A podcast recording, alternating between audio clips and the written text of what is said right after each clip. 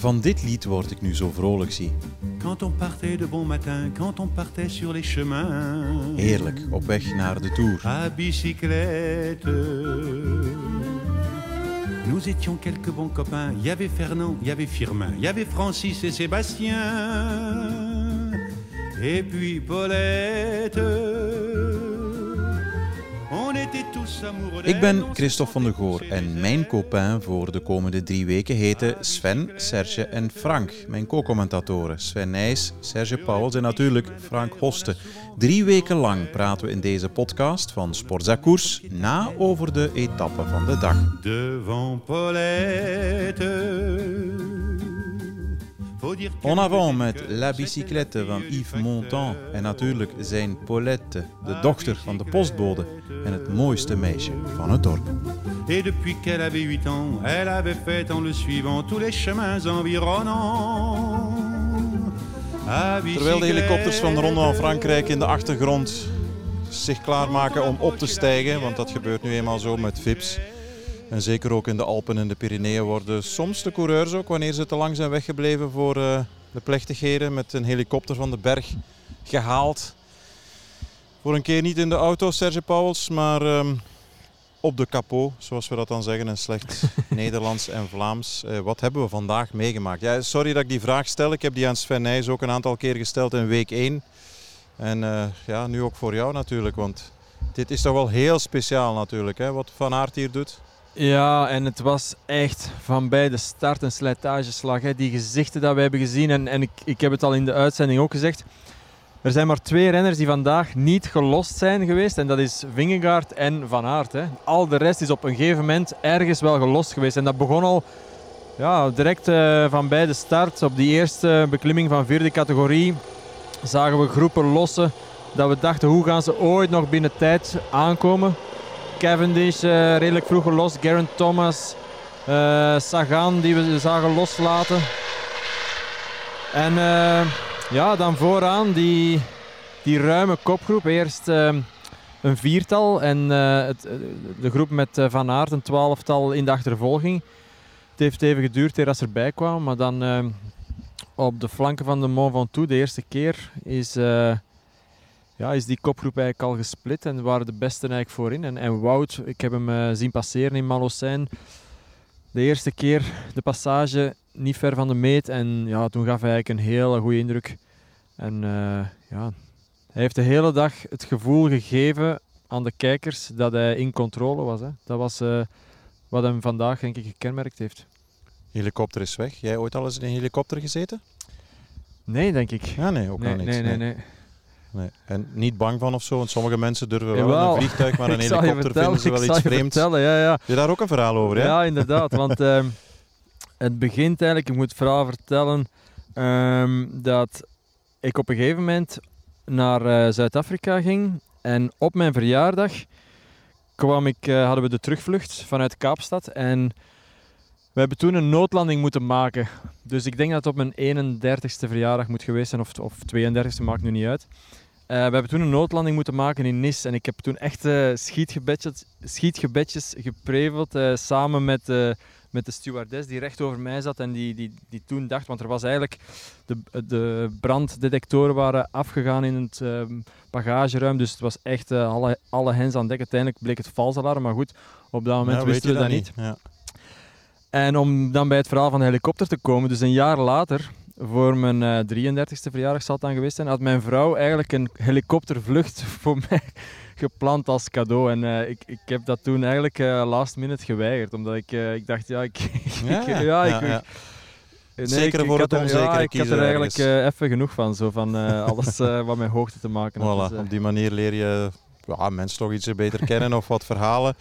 Goed, we blijven bij Van Aert. Ik, ik moet dan eh, ja, hè, van bij de start in de aanval, nog jongens hebben dat geprobeerd. Een Greg van Avermaat bijvoorbeeld, hetzelfde type renner. Ja, die moet dan eigenlijk al veel vroeger lossen. Hè. En, en dat zijn ook jongens die met de fiets kunnen rijden natuurlijk. Dus eh, à la Philippe zelfs, een man van het WK vorig jaar in Bologna op een parcours dat met die beklimming misschien wel minstens even zwaar was. Oké, dat demare- demareren ze dan maar één ronde. Hè. Dat Ja. is dan alles toegespitst op die ene ronde.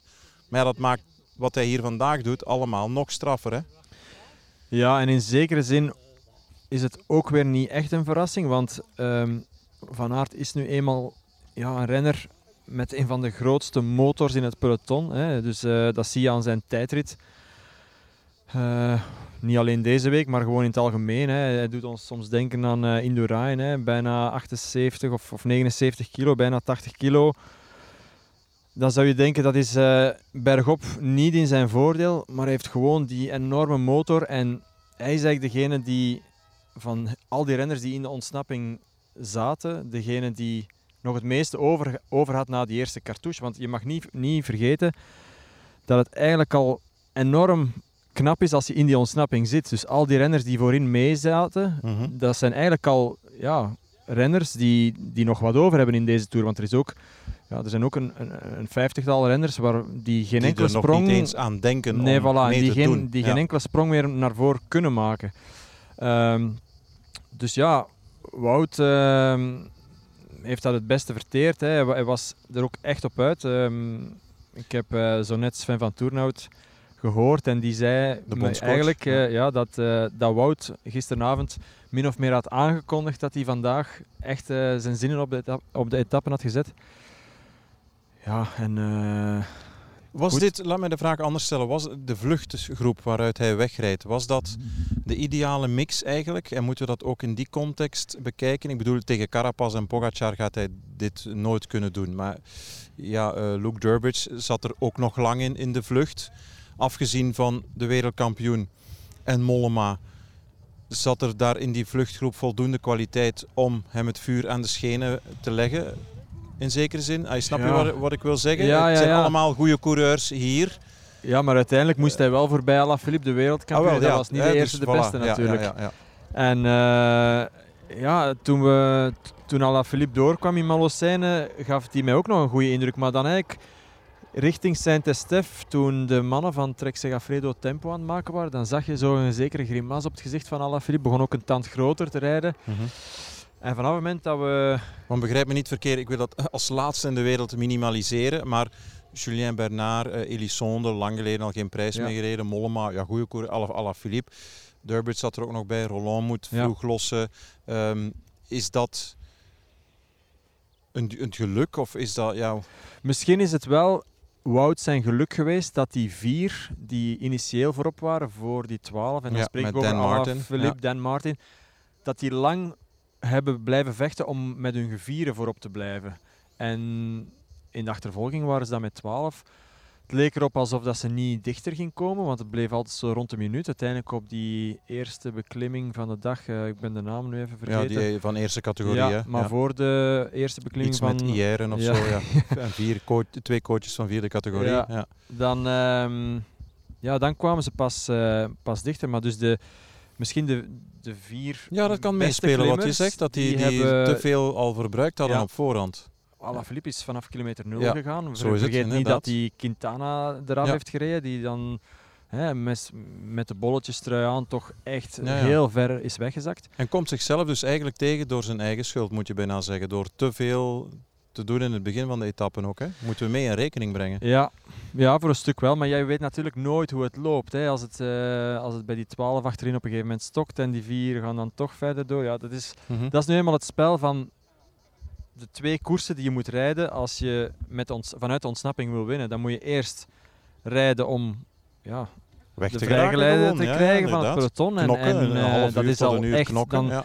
Dat is echt all-in dat je moet spelen. Want je kan niet zeggen ik ga op 90% meespringen en, en wat Nee, nee. dan red je het niet. Dus het is Ja. een eerste koers waar dat je echt soms heel diep in het rood moet gaan. En dan op het moment dat, ja, dat je de vrijgeleide krijgt, dan moet je eerst hopen dat het peloton niet gaat terugkomen, want dat is ook nog altijd onzeker. Hè. We hebben de Ineos-mannen zien, zien Mhm. rijden.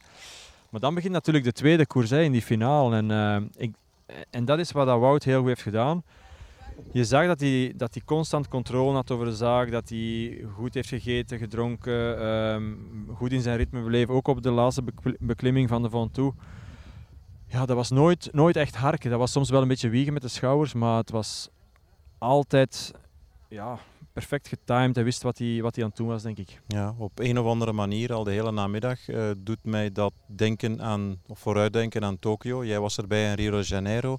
Dat specifieke ploegen met maar vijf coureurs. Oké, dan sta je met twee of drie speerpunten aan de start, twee helpers. Maar toch, daar is gebleken ook een Van Avermaat die al 80, 90 kilometer van de streep in de aanval gaat. Als je dat kan, eh, kan beheersen, die situatie. En Ja. dat heeft Van Aert hier vandaag duidelijk getoond. Dus dat gaat minstens even makkelijk zijn in een koers met, met een klein peloton. Ja. Dat zijn allemaal pluspunten, toch?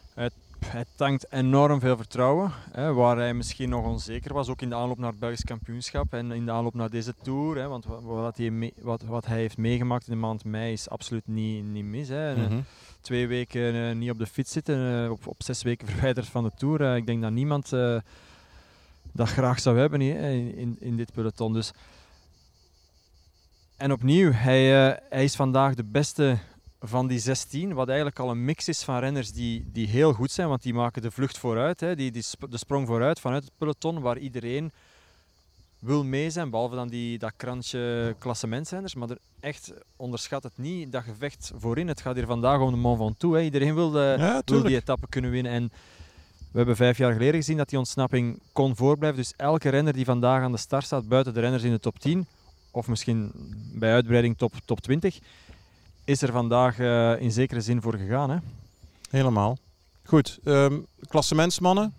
Lang uitgekeken naar een aanval van Carapaz die er niet komt. Maar, verrassing dan, eh, van de jonge Vinikaart. Ja, Die plots die, die scepter overneemt. ja en die, die eerst en vooral de benen, maar ook het lef had om Pogacar aan te vallen. Hij gaf natuurlijk een, een hele goede indruk, die Vingegaard. Ik zei het op, op het moment dat ze nog met een, een man of eh, zes, zeven overbleven. En op dat moment is hij, is hij gegaan en hij heeft eigenlijk een, een hele riante voorsprong in korte tijd bij elkaar gereden. Alleen had hij het nadeel dat hij ja, alleen zat in de afdaling en achterin hadden we ja, ik kreeg Pogacar plots eh, eigenlijk ehm Carapaz als bondgenoot Ja, ja. en niet als vijand. eh, samen met Oran. Oran. En hebben ze die kloof van, wat was het, misschien 38 seconden zoiets, op de top van de Ventoux nog gedicht eh, in de afdaling naar Vingegaard. Maar natuurlijk, het verschil aan de meet was 0 seconden, maar er is wel het een en het ander veranderd natuurlijk in de hoofden van vooral Vingegaard, maar ook misschien in het hoofd van Carapaz en de mannen van Ineos. Carapaz zal natuurlijk ook wel gevoeld hebben vandaag dat hij tegen zijn limiet aan zat. Hè, want hij heeft niks kunnen doen natuurlijk. Oké, dat, dat tempo van zijn ploegmaats, kijk naar Kwiatkowski die zich op kant zet, dat, dat was verschroeiend. En uiteindelijk blijven ze nog maar met zes of zeven man over. Ja. Als je zegt van dat verandert wat in de hoofden, wat zou dat positief in het hoofd van een Oeran en van een Carapaz dan kunnen eh, verbeteren ten opzichte van die Deen? Want die gaan ze nu meer in de gaten houden dan Pogacar natuurlijk. Toch? Je bedoelt ten opzichte van, eh ten opzichte van Vingegaard? ook, ja. ja. ik denk vooral dat, ja, dat ze nu gemerkt hebben dat, dat Pogacar ja, niet onklopbaar is. En, en waar hij in de vorige bergritten nog wegreed van, van alles en iedereen op het moment dat hij bijna wou, Mhm. ja, daar moest hij nu toch wel echt eh, harken. Want ik zeg het, eh, 38 seconden, dat verlies je niet zomaar. Hè. Als je blijft vechten. Het, leek Ja, zelfs een beetje op een... eh, ja. Ik zou niet zeggen een hongerklop, maar het was toch wel even eh, een. eh, ja, als, die, als dat gebeurt op 10 kilometer van de top, dan, eh, dan zijn vijf minuten rap weg hoor. Ja. Ja. Dus eigenlijk, de organisatie wou geen aankomst bergop, want ze zegden vooraf, ja, we hebben in het verleden gezien, dan krijgen we maar een prikje van anderhalve tot twee kilometer. Als dat vandaag was geweest, aankomst boven, dan hadden we nog meer, Ja, of dan hadden we tenminste iets gezien. Nu is dat in de afdaling, Ja. wat nieuw was. ja, Als aankomstplaats is dat volledig teniet gedaan. Dus eigenlijk eh, zelf in het been geschoten, Ja, achteraf gesproken. ja dat hè? klopt, dat klopt. Natuurlijk, het is dan ook altijd wel weer anders en dan wordt er misschien toch alweer Afwachtender iets... gekoest. Ja, kan, voilà. ja. Of, of, of, Minder durf. Ja. Eh, maar in elk geval, opnieuw, eh, rit 11. En we, we, we hebben weer al een prachtige rit gezien. Het, is, eh, het heeft ons nog niet verveeld hier in deze tour. Nee, nee, absoluut. En Cavendish is binnen tijd. Heb Dat je het filmpje mooi. al gezien van Wilfried Peters? Hij gooit aan het monument van Tom Simpson, Simpson een drinkbus eh, Heb weg. ik niet gezien. Ja, als Brit. Dat denkt hij dan toch nog aan op, ja, wat is het, 3,5, 4 kilometer van de top. Ja, ja, Mooi ja. moment. Dat zal Ja, ongetwijfeld absoluut. ook Ja, alle sociale media halen. Ja. Voilà, dit was de Van Toe. Dit was eh, Wout van Aert. Ja, jij komt met de fiets rijden, maar er zijn toch eh, mannen die nog iets anders kunnen, ik, toch? Ik, ik denk dat ik Oh, de schoenen van Wout van Aert misschien net mocht vastknopen, maar nee, dus alle, alle lof en, en alle superlatieven voor hem. En we gaan er nog van genieten, want hij is eigenlijk eh, nog altijd groeiende, denk ik, in deze ronde. ja, dat belooft. Dankjewel, Serge Pauwels. Tot morgen. Alsjeblieft. bicyclette.